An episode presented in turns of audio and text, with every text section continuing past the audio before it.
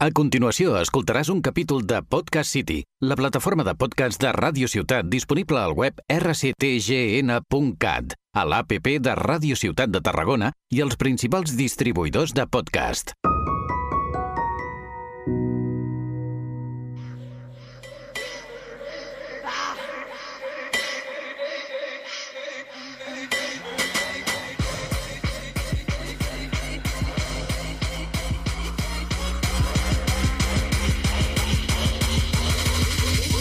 De la ira. Comando Hum, servicio a domicilio. Destruir la norma, un podcast de cerdas y diamantes. Nuestro espacio para compartir aprendizajes y cuestionar el sistema desde una mirada interseccional. Ayer fue 8 de marzo, amigues. Así que hoy os traemos un poco de feminismo y hablaremos de la relación entre la masculinidad y el consumo de carne. Como si cuidarle fuera mi problema. A nosotras no nos la pegas con ese rollito de víctima fiera. Bienvenidas, bienvenidos un día más a nuestro podcast Destruir la norma. Yo soy Alicia y a mi lado, como siempre, Marjorie. Hola. Y hoy tenemos a dos personitas muy especiales aquí para nosotras. Ya. Especiales. Personitas. vale, sí, vamos. Bienvenidas. Os presentamos a Javi. Hola, más que personitas, personajes, ¿no? Aquí estamos por aquí. Un poco sí, la verdad. y a Travis. Hola. Vaya, estoy- Hola. Llevo un resfriado impresionante, o sea, no voy a dar mucho, mucho tono hoy, ¿eh? Me estoy Vale. muriendo. Voy a parecer el padrino, lo siento. No te faltará B12. Uh, uh, luego hablaremos de eso. Em, antes de empezar con el tema del día, que Marjorie ya ha explicado un poquito que hablaremos de la relación entre el consumo de carne y la masculinidad, os vamos a leer un manifiesto que hemos hecho eh, como feministas antiespecistas, que me la liáis con el micro. Y nada, os lo leemos y ya luego empezamos. Ayer fue 8 de marzo y seguimos luchando y resistiendo ante un sistema que nos violenta constantemente. Luchamos por todas las formas de violencia que se ejercen sobre nuestros cuerpos y sobre los cuerpos de los animales, las cuales reproducen lógicas patriarcales y capitalistas. Queremos reivindicar la disidencia de todas las que habitamos en los márgenes, gordas, discas, racializadas, migras, bolleras y bi, trans, putas. Protestamos por cada uno de los cuerpos considerados objetos y propiedad de este sistema. Estamos hartas de la precariedad a la que nos vemos abocadas las mujeres y disidencias, como parte de la clase trabajadora más vulnerabilizada. Estamos en contra de toda lógica patriarcal que siga manteniendo discursos de odio hacia nosotras y hacia los animales, justificando así la violencia sistemática. Es necesario cuestionar los discursos hegemónicos y hacer una revisión constante de nuestros privilegios. Es por esto que nos negamos a seguir reproduciendo esas mismas lógicas de dominación hacia otros seres sintientes. Especismo, patriarcado y capitalismo van de la mano. Reivindicamos la autoorganización y la autodefensa frente a la violencia estructural que sufrimos y reivindicamos también la acción directa ante la violencia que sufren los animales no humanos. Apostamos por una lucha interseccional que no deje a nadie atrás y un feminismo que ponga la vida de todas en el centro. Nuestra lucha es contra toda opresión. ¡Woo! Jazz, jazz, jazz. Eh, pues ponemos un poquito más de música antes de empezar con, con el meollo. Además tú eres herbívoro hace más de dos mil años Y no te faltan vitaminas, no, no te hace daño echar de menos esos nuggets bañados en niño de tres años Argumentos de mierda Si no quieren ser comidos, Vienen con discursos siempre de la clase obrera. Hay incongruencia en cada una de sus neveras. Compra carne, esta noche hay parrilla. Mátalos tú mismo para que veas cómo chillan En cada casa hay un holocausto caníbal. Lorzas en la orza y deditos en el vivar La lucha moral sin quitarte privilegios. ¿Quién eres tú para ponerle un buen precio? Pobre José Raptor, nadie lo comprende. Bueno, eh, como ya, ya hemos dicho, tenemos a, a dos personas que nos acompañan aquí hoy y para hablar del tema principal. Así que mm, vamos a empezar dándoles la bienvenida con unos aplausos, por favor. Luis, ¿puedes aplaudir? No, no tienes aplausos. Pues No aplaudimos aplausos. nosotras. Bravo, bravo. Bravo, Espectacular. bravo. Bravo, bravo. Así que nada, os queríamos preguntar lo primero. eh, vamos a hablar de, del consumo de carne y de la masculinidad, ¿no? Entonces, lo primero, para conoceros un poquito más, si nos queréis explicar vuestro camino en el veganismo, cuándo hicisteis el clic, cuándo os hicisteis veganas, por qué. ¿Quién empieza? Travis. No. adelante. Bueno, realmente siempre digo más o menos de media 8 años. ¿Y por qué digo de media? Porque suena raro, porque realmente no eres vegano como de la noche a la mañana, sino que es como un proceso. Vas teniendo como cierta concienciación hacia lo bio, el bienestar animal. Luego te das cuenta que eso es un timo, que no es así, que solo son etiquetas, o solo son formas de hacer menos, menos, menos, como menos daño a lo que realmente ya es una cosa que de por sí es violencia. Y entonces vas tirando y vas diciendo, bueno, pues voy a intentar cambiar alimentos, ir cambiando alimentos que me nutran, porque lo que necesitamos son nutrientes. Y así poco a poco pasas de ser vegetariano y ya definitivamente cuando te vas vas sabiendo lo que es cada lo que es cada alimento, lo que te puede aportar y paralelamente cómo se trata a los animales dentro de la industria y todo el rollo, vas viendo que es, eh, poco a poco te estás haciendo vegano. O sea, realmente es una cuestión de muchos factores Un y por proceso, eso es ¿no? un proceso. Bueno, Javi. yo poco más, poco más que añadir. O sea, yo hace unos tres años que soy vegano y empecé un poco por lo mismo, ¿no? Eh, medio ambiente, ¿no? Decir, ostras, sí, hay que reducir el consumo. Yo antes de, de estos tres años de ser vegano ya era vegetariano. Dije, la carne pro uno. Y, y entonces poco a poco me fui conciencia- concienciando más. También gracias a personas que están en esta sala. Oh. Eh, a, a base de conocer gente, hablar con otras personas, eh, informarte más y tal. Y también, como dice Travis, ¿no? darte cuenta de, de ciertas eh, opresiones o, o de ciertas dominaciones que, que ejercemos los humanos hacia el resto de animales, pues decides dar un paso más ¿no? y, y no participar en, en eso. Y de hecho, llegáis al veganismo desde una conciencia, lo que ha dicho Travis, ¿no? Del alimento, de lo que hay detrás de los animales, o también un poco como extensión de otras luchas. Es decir, vosotros militáis o habéis militado en otras, en otras luchas y también se ha contemplado el veganismo como un eje más de presión, como explicamos aquí habitualmente. Eh, sí que, al menos por mi parte, sí que he militado en otros espacios. En los primeros espacios donde milité, mm, todo esto de- del veganismo y el antiespecismo queda totalmente relegado a, un segundo plano o, a un cuarto, podríamos decir. Y, y después más adelante sí, un poquito más adelante sí que mo- como que ya me empezaba a sonar, ¿no? Empezaba a resonar un poco de fondo. Y bueno, también porque, quizás porque al haberme informado yo, pues también ya es una forma, es una manera de que ya resuene, ¿no? Dentro del propio colectivo que haya personas eh, antiespecistas, ¿no? Y, y empecé, realmente es lo que comentaba antes, ¿no? Empecé más bien por una cuestión de medio ambiente, ¿no? Y de, y de cuidar el planeta y tal, y luego te das cuenta de que, de que eso no, no es nada, ¿no?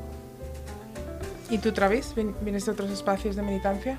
Sí, vengo de otros espacios más también de corte anarquista y algunos más sociales, incluso de voluntario en algún en, algún santuario. Entonces, lo que es espacios ha, ha costado mucho que se tome una conciencia antiespecista y realmente creo que queda todavía muchísimo. No, no, lo, no lo contemplo como que se tenga muchísimo en cuenta, sino como que hay gente que por estar dentro se le tiene en cuenta, pero no como idea, sino porque esas personas se les tiene en cuenta sus, su, su- su militancia. Totalmente.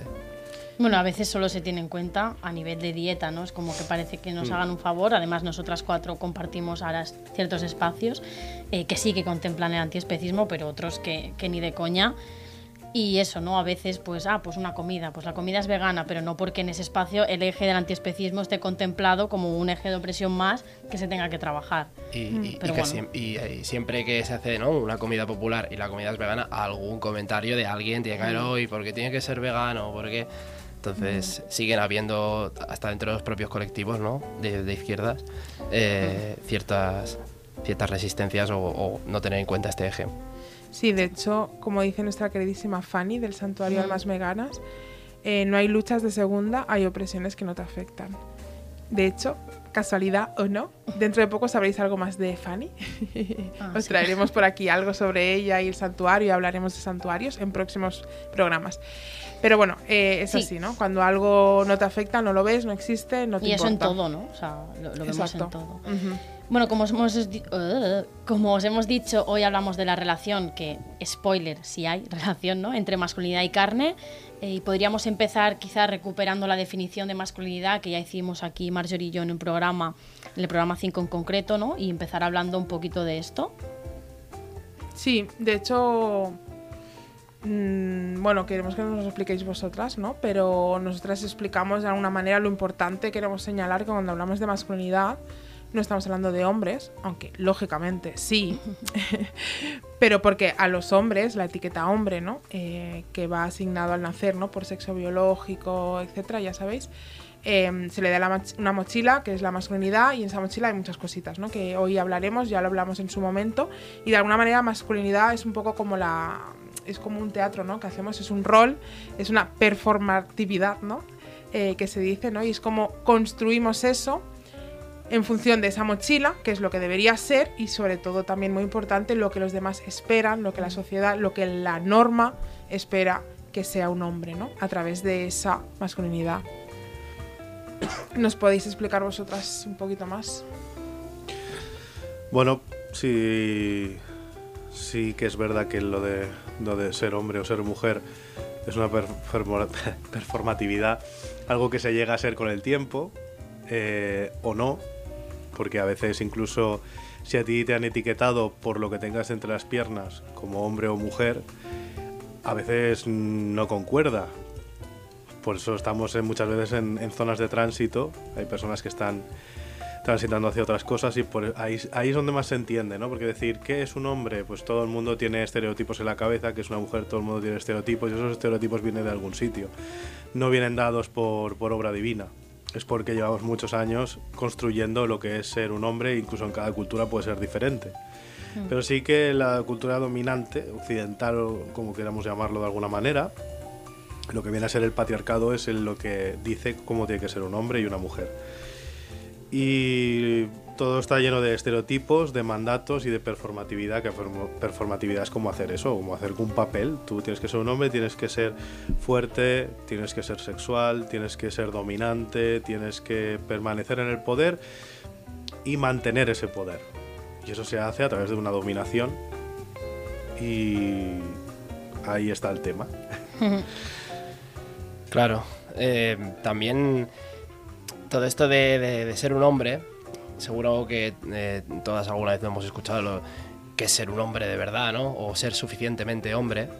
Entre, entre los propios hombres tenemos muchas veces esas conductas de vigilancia, de eh, no, no tengas pluma, no, que, que entonces no eres un hombre, ¿no? Eh, que haces eh, mm, mostrando tus sentimientos en público, ¿no? Entonces hay toda esta serie de, de mandatos que, que al final eh, te, te encajan en un sitio, tanto desde dentro como desde fuera, ¿no? Porque también nos, los- nos lo hemos creído, ¿no? Esta película de la performance, nos la hemos creído. Y entonces también eh, adoptamos ese papel y también desde fuera, pues también nos van perfilando este papel, sobre todo entre los propios hombres. Totalmente. Sí, de hecho, Alicia, ¿te acuerdas de esa frase que dijimos en nuestro programa que hablábamos de masculinidad? Lo de que Sí, es una caja hermética. Que hay una caja. Sí, ahora no me acuerdo, ¿no? Como que. Lo que significa ser hombre, o, o que también sería ser mujer, ¿eh? Pero cabe en una caja tan pequeñita, tan pequeñita, tan pequeñita, ¿no? Que dejaba tantas cosas fuera. Ahora no me acuerdo cómo era la frase, pero venía a decir eso, ¿no? Que es súper limitante eh, el género Sí, sí. en todos los aspectos de la vida de, de una. Bueno, y lo, lo que hablaba un poco de eso, de tener que estar constantemente demostrando lo fuerte que eres, lo mucho que ligas, eh, mm, esconder ciertas emociones de, de inseguridad, de miedo, de ternura, de fragilidad. eh, bueno, todo esto pues eh, es, es lo que la película que, que han hecho sobre el hombre y, y todos vamos a, a verla y hacemos, Actuando. hacemos taquillazo. Sí.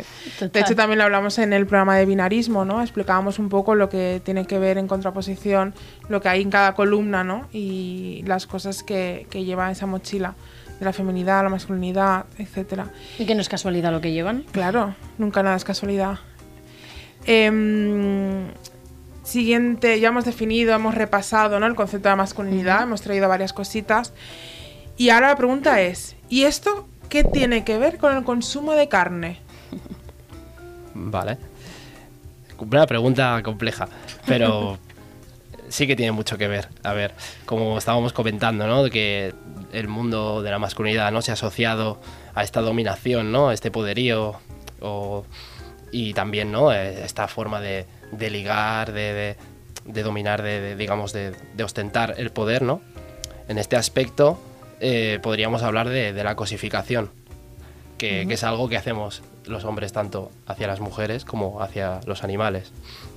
Entonces, eh, se deja de, de tratar a, las, a, a las anima- a los, el resto de animales y a las mujeres eh, como seres que tienen propios intereses y deseos y se les reduce a un producto o a un objeto de consumo, como podría ser, eh, bueno, un jamón o... Ya no, no vemos al, al animal, vemos, ¿no? Un producto, vemos eh, algo que, que- que sí que queremos dominar y que sí que queremos, ¿no? Y que además es, es sinónimo de éxito, de algún Sí. modo, ligar y, y todo esto, sí, perdón. No, si estabas hablando tú.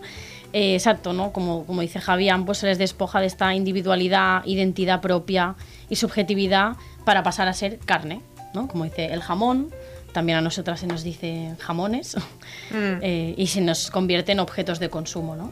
Bueno, y las pechugas, ¿no? Podemos hablar también de- de, Totalmente. esta Jamones, pechugas. ahí el, el lenguaje nos da muchas, muchas señales ahí. Sí, exacto. Eh, creo que hay alguna frase, ¿no? Lo que comentábamos antes de que antes que veníamos hablando en privado, de sentirte, ¿no? Muchas mujeres habernos sentido como un trozo de carne, ¿no? Literalmente decir esto. Ya. Hostia. Bueno, bueno, no lo voy a decir. Recuerdo una influencer, que no voy a decir cuál, que describió el barrio rojo de Ámsterdam como una charcutería. Ostras, Pues eso, tal cual. tal cual, ¿no? Claro, cuando, cuando una mujer dice, me he sentido como un trozo de carne, ¿qué está queriendo decir realmente? Y os imagináis esta misma frase, ¿no? Me he sentido como un trozo de brócoli, me he sentido como un trozo de, de tofu. Es que es, es- es impensable. Entonces, sí que hay esa relación entre, entre masculinidad y carne. Ujú. Sí, exacto, de convertirnos en objetos, ¿no? Cosificarnos y objetualizarnos. Sí, ¿quieres añadir algo otra vez? No, re- realmente me, es como que siempre hay que, hay que mantener una, una cierta, como decir, mm, consumo, tanto de, de cuerpos, o sea, tanto de cuerpos, no, cuerpos, en general. Y al final uno se mantiene de demostrando que tiene un estatus según los cuerpos que consumas. O sea, toda esa fanfarronada de decir yo me he tirado un montón de tías o yo he comido un montón de carne, tiene una misma raíz, que es demostrar un estatus. Pues sí. Totalmente. Em, de hecho, antes que hablábamos también del lenguaje, eh, no es casualidad, aquí algunos sabréis también más, eh, el lenguaje que se usa en la caza, ¿no? Eh, que el lenguaje de la caza y del ligoteo sea tan similar, salir a cazar, salir a pescar, nos da pistas también. Entonces, otra de las preguntas que, que nos hacíamos es, ¿podríamos decir entonces que la comida tiene género? Em, porque muchas veces, no sé si os viene a la cabeza, desde el feminismo ponemos el ejemplo de si vamos a un bar, ¿a quién le dan la cerveza y a quién el agua? ¿no? Y normalmente, o vaya sorpresa, pues el alcohol o, o- o productos eh, más vinculados a la masculinidad, se les da al hombre, pues si pensamos en ese mismo ejemplo, pero con un bistec y una ensalada, probablemente eh, a quién se le ¿A dará el en la ensalada se le van a dar a la mujer y el trozo de bistec, el trozo de carne ahí bien gocho, se lo darán al hombre, ¿no? Entonces eh, nos damos cuenta de que quizás el modelo de consumo, es- el de consumo sí tiene un género, sí Claro. tiene género. ¿no? Claro, de hecho, podéis hacer la prueba. A lo mejor muchas de las que nos estáis escuchando, en plan, no, pero a las mujeres les gusta la carne y comen carne. Sí, por Que supuestísimo sí. que sí.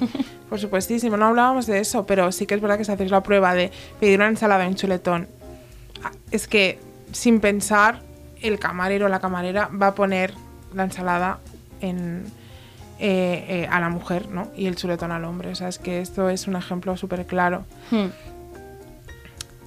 Bueno, eh, más cositas.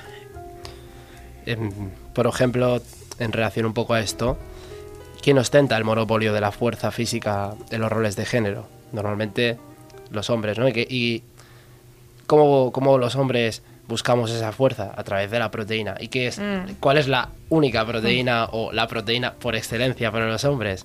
La carne, ¿no? Ya. Entonces, eh, pues eso, contra más consumo de carne eh, se, se vincula ¿no? con más fuerza y más validación entre, entre, entre hombres o, o entre coleguillas, ¿no? Hmm. Entre José Luises. de José Luises. Sí, de hecho, mm, cuando hablamos de que el consumo de carne tiene que ver con la masculinidad, decimos que tiene que ver con esa dominación, ese poder, esa fuerza ¿no? de la que hablamos, ese estatus que también hablaba Travis. y por eso históricamente, y esto se ha estudiado, ¿no? Eh, se ha asociado el consumo de carne a los hombres y a clases más altas, ¿no? por esa vinculación con el poder y el estatus, em, y no solo po- por, la fuerza ¿no? física. Y un, po- un poco con esto de, de la fuerza, a veces los hombres llegamos eh, a, a traspasar límites del propio cuerpo para estar hipermusculados, porque para cumplir ese canon de, de hombre fuerte y vigoroso que, que tiene que ser eh, un empotrador o tiene que ser, vamos, la, lo más fuerte que existe en el mundo, ¿no? Tiene que ser un Superman.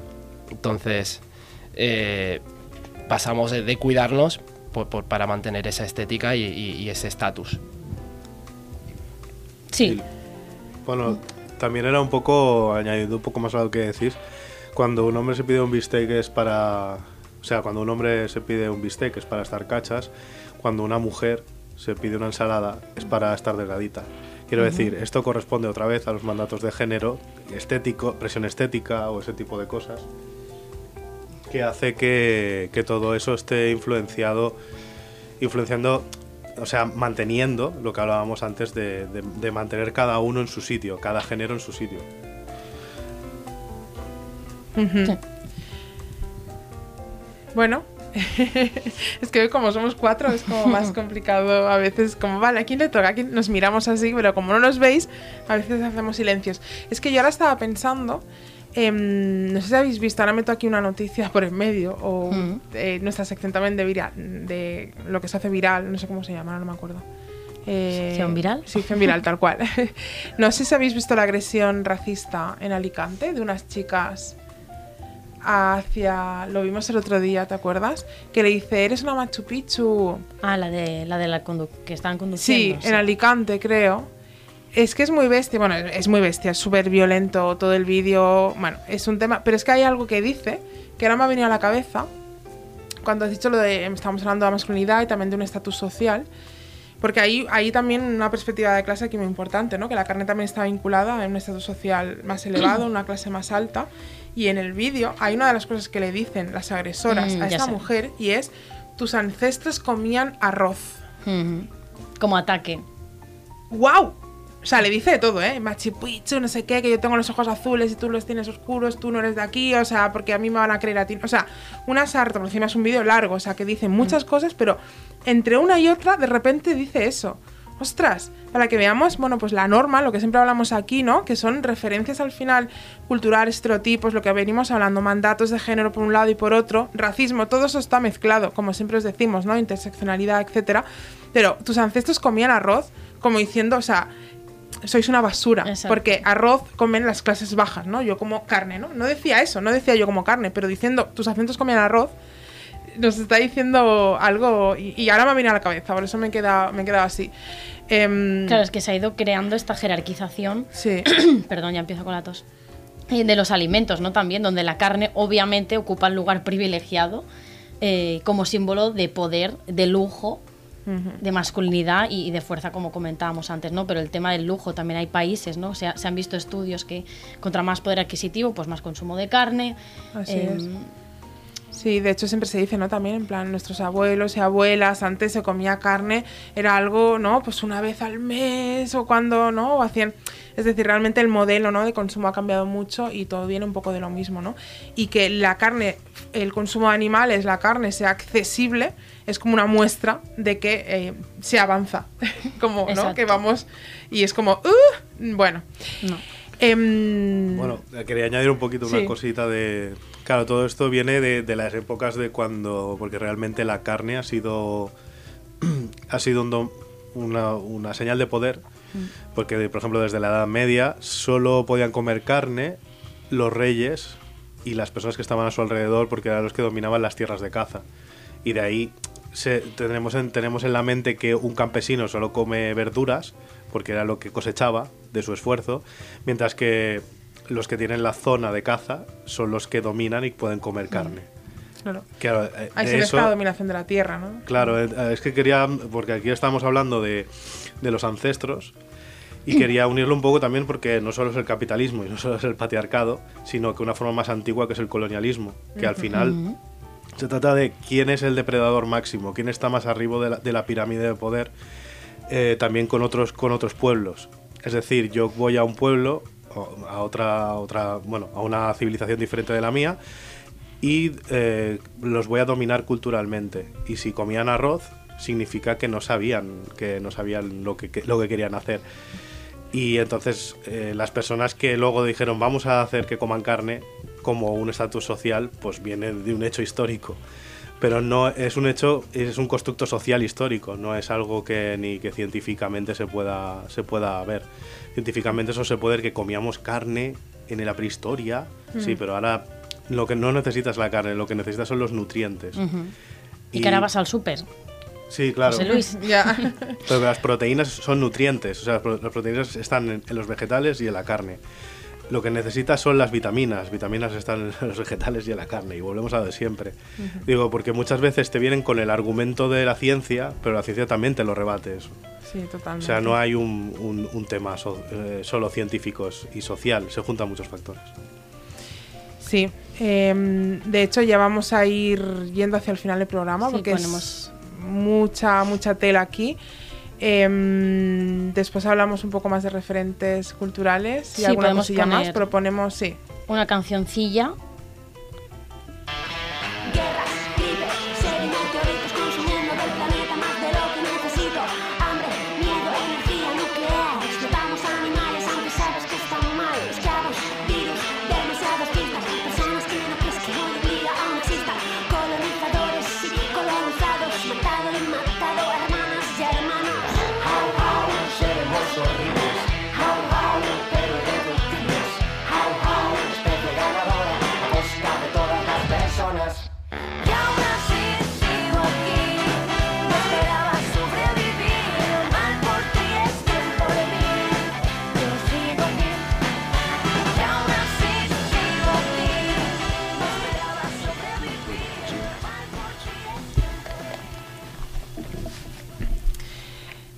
Bueno, em, ahora queríamos hablar un poco de referentes culturales, es decir, cómo se, pues bueno, la norma, ¿no? A través de dónde nos llega, ¿no? Todo esto, eh, al final, todo lo que está a nuestro alrededor, como por ejemplo películas, lo que consumimos, ¿no? A nivel de ocio, pues películas, la publicidad, lo que se usa a nivel social para representar X cosas.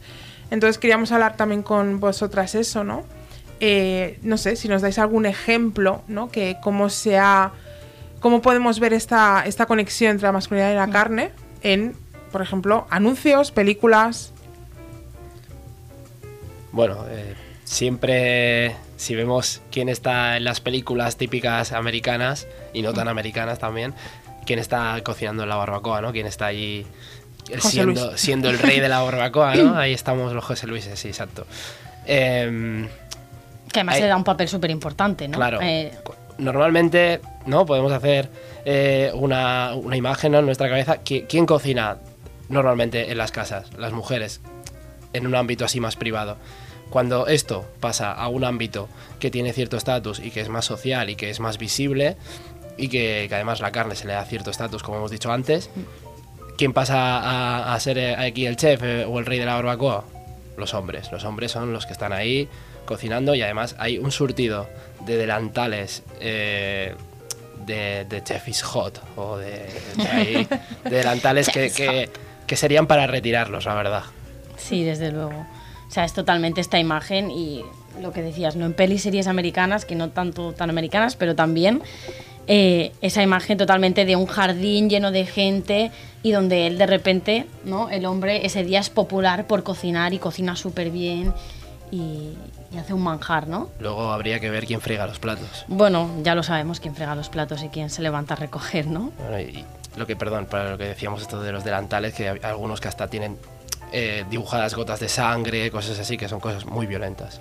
Claro, es que imagínate, ¿no? Ese alarde de la violencia. ¿Y qué otros referentes, por ejemplo, en publicidad o en anuncios vemos alguna cosilla? Sí, la publicidad siempre ha estado como muy sexualizada. eh, porque saben cuál es el. Es que si vamos a, a lo del tema de economía, pues está. Si tú sabes que tú, la mayoría de hombres son los que consumen carne, lo más fácil es poner una mujer en un póster de- del burger o de, o de cualquier restaurante de estos donde se sirvan carne al estajo, pues es lo más llamativo, lo más básico, lo más fácil y lo más efectivo. Porque estamos socializados así, para consumir tanto la carne como el sexo. Sí, de hecho tenemos también un post en Instagram con varias fotografías y tal. Y un reel. Y un reel, ¿no? Es verdad, sí, que sí. es como salen un Todas montón de imágenes en un minuto que no deja lugar a dudas de la relación, ¿no? Donde eh, una imagen del Burger King donde los pechos son hamburguesas. Sí. eh, sacando un pollo en bragas y, y también diciendo las pechugas, ¿no? que pollo en bragas, antes. es que- Porque además eh, eh, hay un libro, ¿no? Que es La política sexual de la carne, que es un poco la Biblia eh, del feminismo antiespecista o de la Amén. relación de esa, de esa vinculación. eh, donde hay muchas de estas imágenes. También aparece una donde pone el tofu es carne gay, porque Tal obviamente cual. la masculinidad es heterosexual, la hegemónica, y por lo tanto esa vinculación también ahí, ¿no? Sí, de hecho, em, la de también que aparece un chuletón eh, dándole por el culo, perdón, ¿eh? A una lechuga. Sí, Y pone fuck salad, real me- men eat meat. tal cual. O sea, tal cual, tal cual, un chuletón dándole por culo a una lechuga. Imposible. hay, ¿no? hay muchos anuncios que, que lo que decía que se me ha- que en el libro que hablan no solo de la animalización de los cuerpos de, de- de las mujeres, sino eh, de la, ahora, ahora- ahora me he perdido. La como de la animal- animalización de las mujeres y la feminización de los animales, porque hay Ah, sí. anuncios donde una gallina de repente te está, está sexualizada, una Sí, gallina enseñando el enseñando el muslo. muslo, como que pasan ambas cosas, ¿no? Sí, de hecho en este reel que comentaba Alicia, en plan spam, Instagram, cerdas y diamantes, em, claro, es que cuando empezamos a buscar todas estas fotos y, y tal, dijimos, es que no tenemos nada que añadir, solo con enseñarlas. O sea, el reel solo salen fotos, porque Mm. es que no tenemos nada que añadir. O sea, como cosas como también un cartel de una mujer con un trozo de carne, con sangre por todos lados, y pone, tenemos el mismo sabor. O sea, es que, o sea, una serie de, de- de cosas muy... Bueno, y también como punto más a- también en el lenguaje. En el lenguaje normalmente utilizamos la palabra depredador sexual y aquí utilizamos tanto la palabra de depredación, que se utiliza para, para la cadena alimenticia, o sea, los depredadores son los que comen a otros animales, y sexual como un violador, como una persona que se dedica a consumir cuerpos de forma violenta. Y es que eso ya lo dice todo, depredador sexual. Así es. Total. Bueno, muchas cositas, ¿eh? Tendréis que venir otro día, ¿eh? Creo. ¿No? Estaría divertido. Sí. Divertido. Estaría. Em, vale, para terminar, os vamos a poner un corte. Luis, no sé si lo tienes preparado. Eh, al final de... mm, a ver, espera, que te lo pasamos, Luis. Al final del documento, Sí. ¿lo ves? Vale, eh, ponemos un corte y, y lo comentamos. suena, ¿no? A la atmósfera, con el perjuicio que eso conlleva al entorno natural en el que nosotros vivimos y del que vivimos. Somos capaces de reducir nuestra dieta al nivel de consumo moderado recomendado por las autoridades sanitarias. Podemos reducir hasta un 50% el nivel de emisión de gases de efecto invernadero y hasta un 20% el nivel de muertes prematuras. En los últimos años muchas ONGs han denunciado, además, cómo se produce un perjuicio ecológico ¿Os suena? ¿Nos suena? Sí. ¿Quién era? Sí, el discurso de Garzón sobre, sobre comer menos carne. O sea, no, Ojo. no- ¡Ojo! solo ¡Ojo, menos. José Luis! No vaya a ser que, que José Luis no se quede sin su ración. Que ahora van a ir los veganos quitando los platitos de jamón de, de las tapas de los bares. Ahí sí. así, en plan, confiscado. O sea, lo que se dice es tan mínimo y aún así eh, la que generó, ¿no? La de violencia en redes, Chuletón Sí. imbatible. eh, bueno, también. Claro. Eh, de hecho, este es un pequeño fragmento, pero realmente explica con datos el impacto ¿no? del consumo de la producción de carne a nivel de, de- del consumo de recursos, tanto híbri- híbridos híbridos de agua, Hídrico- hídricos, no, perdón. hídricos no.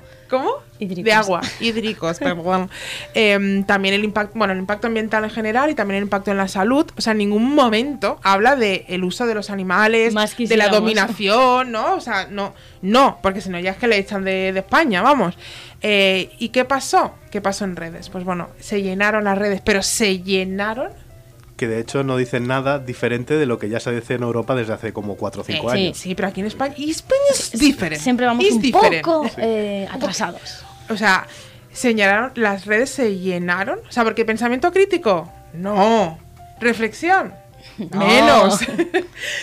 de imágenes súper explícitas, súper exageradas de, oh sorpresa, hombres eh, comiendo carne, en barbacoas, con el pues chuletón mira, cuanto toma. más grande mejor.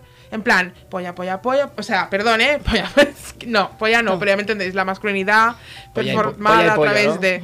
Pero, eh, o sea, era exa- o sea, era muy exagerado, ¿no? Sí, sí, sí. Y. De toma mi, re- mi reducción, ¿no? Del consumo y el, en plan, el trozo, el cadáver ahí entero. Y ponemos otro corte para que veamos, también escuchemos otra reacción en torno a esto. Sobre esta polémica, yo os lo diré en términos muy personales. A mí, donde me pongan un chuletón al punto, eso es imbatible. Es Bravo, es- es bravo, es una- bravo, es un bravo. argumento, un argumento político bien construido, ¿no? Y O sea, el dice- presidente del gobierno, ¿eh? Sí, no, es que ante eso... es, es gravísimo. El perro Sánchez. En lugar de decir, oye, pues Gardo, no, oye, vamos a reflexionar, ¿no? Sobre esto. No, no. ¿Dónde me pongan un chuletón? Y además la cara que pone imbatible. Sí, sí. Bueno, pero él lo ha, lo ha dicho, lo dice ahí mismo en el corte, que a veces se nos pasa, y a mí también se me ha pasado y lo he vuelto a escuchar hoy.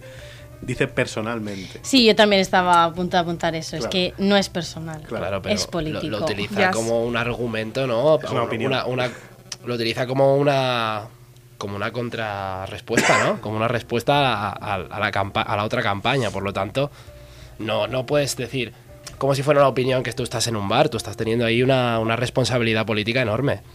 Y bueno, es el presidente de un país, vaya. Y, Y además vamos, es eso, que es una opinión. Y aquí las opiniones, en este caso, eh, ya, De- ya dejó el otro día no hablaba de animales, ¿no? Pero es que, bueno, ya lo hemos dicho aquí cien mil veces, ¿no? Es una cuestión política, por lo tanto, tu opinión personal, Sí. pues nos importa bien poco. Y desde luego a Garzón le dijeron de todo, pero también, lógicamente, le dijeron que era poco hombre. Por todo lo que hemos hablado hoy. Es, es que Bueno. un poco en relación a esto, eh, decir que igual que sabemos que los hombres tendemos a hacer menos cuidados, porque también no nos han enseñado a cuidar, somos un poco, eh, estamos un poco perdiditos en eso, porque lo que decíamos antes, ¿no? que nos han perfilado y, y nos lo hemos creído. Igual que no cuidamos al resto de personas y, y no cuidamos a, a los demás y nos cuesta cuidarnos a nosotros mismos, tampoco cuidamos el planeta. Entonces, cuando alguien, sale un hombre haciendo una campaña de cuidar el medio, el medio ambiente, de cuidar el planeta, pues pasa esto, que se lee como poco hombre. Y salen un montón de hombres reaccionando, como diciendo yo sí que aquí me como mi bistec y yo sí que soy un hombre. Sí, de hecho, o casualidad, una más, el 80% de personas del movimiento antiespecista y vegano y también eh, a nivel eh, ecologista y medio ambiente son las mujeres. Vaya chorprecha. Todo ¿no? casualidad. Todo casualidad. En Bueno. fin, os dejamos ya. Em, recordad que nos podéis seguir en redes, tanto en Instagram de Cerdas y Diamantes como en Twitter del programa y de las redes de Podcast City de Radio Tarragona. Radio Ciutat Tarragona. Radio, Ay, Radio Ciudad Tarragona. Eh, always the same, ok. Eh, y bueno, lo de siempre, si en algún momento os habéis sentido incómodas con algo de lo que hemos dicho, es que vamos por buen camino. Cogete esa incomodidad, cuestiona tus creencias y haz cambios. Gracias chicas, Javi y Travis por estar aquí y terminamos con nuestra gran frase. La incomodidad es un espacio revolucionario y cuando la norma es opresión, destruirla es un derecho. Yes. Hasta Chao. el próximo. Gracias. Casi otra persona. Aquí todos somos deformes y nos resistimos a usar uniformes. Lo más feo de la flor es el tallo. La belleza se alimenta de fallos. Como nos vemos curiosos, ponemos a los lindos nerviosos. Que toda la gente nos señale lo que no es igual, sobresale.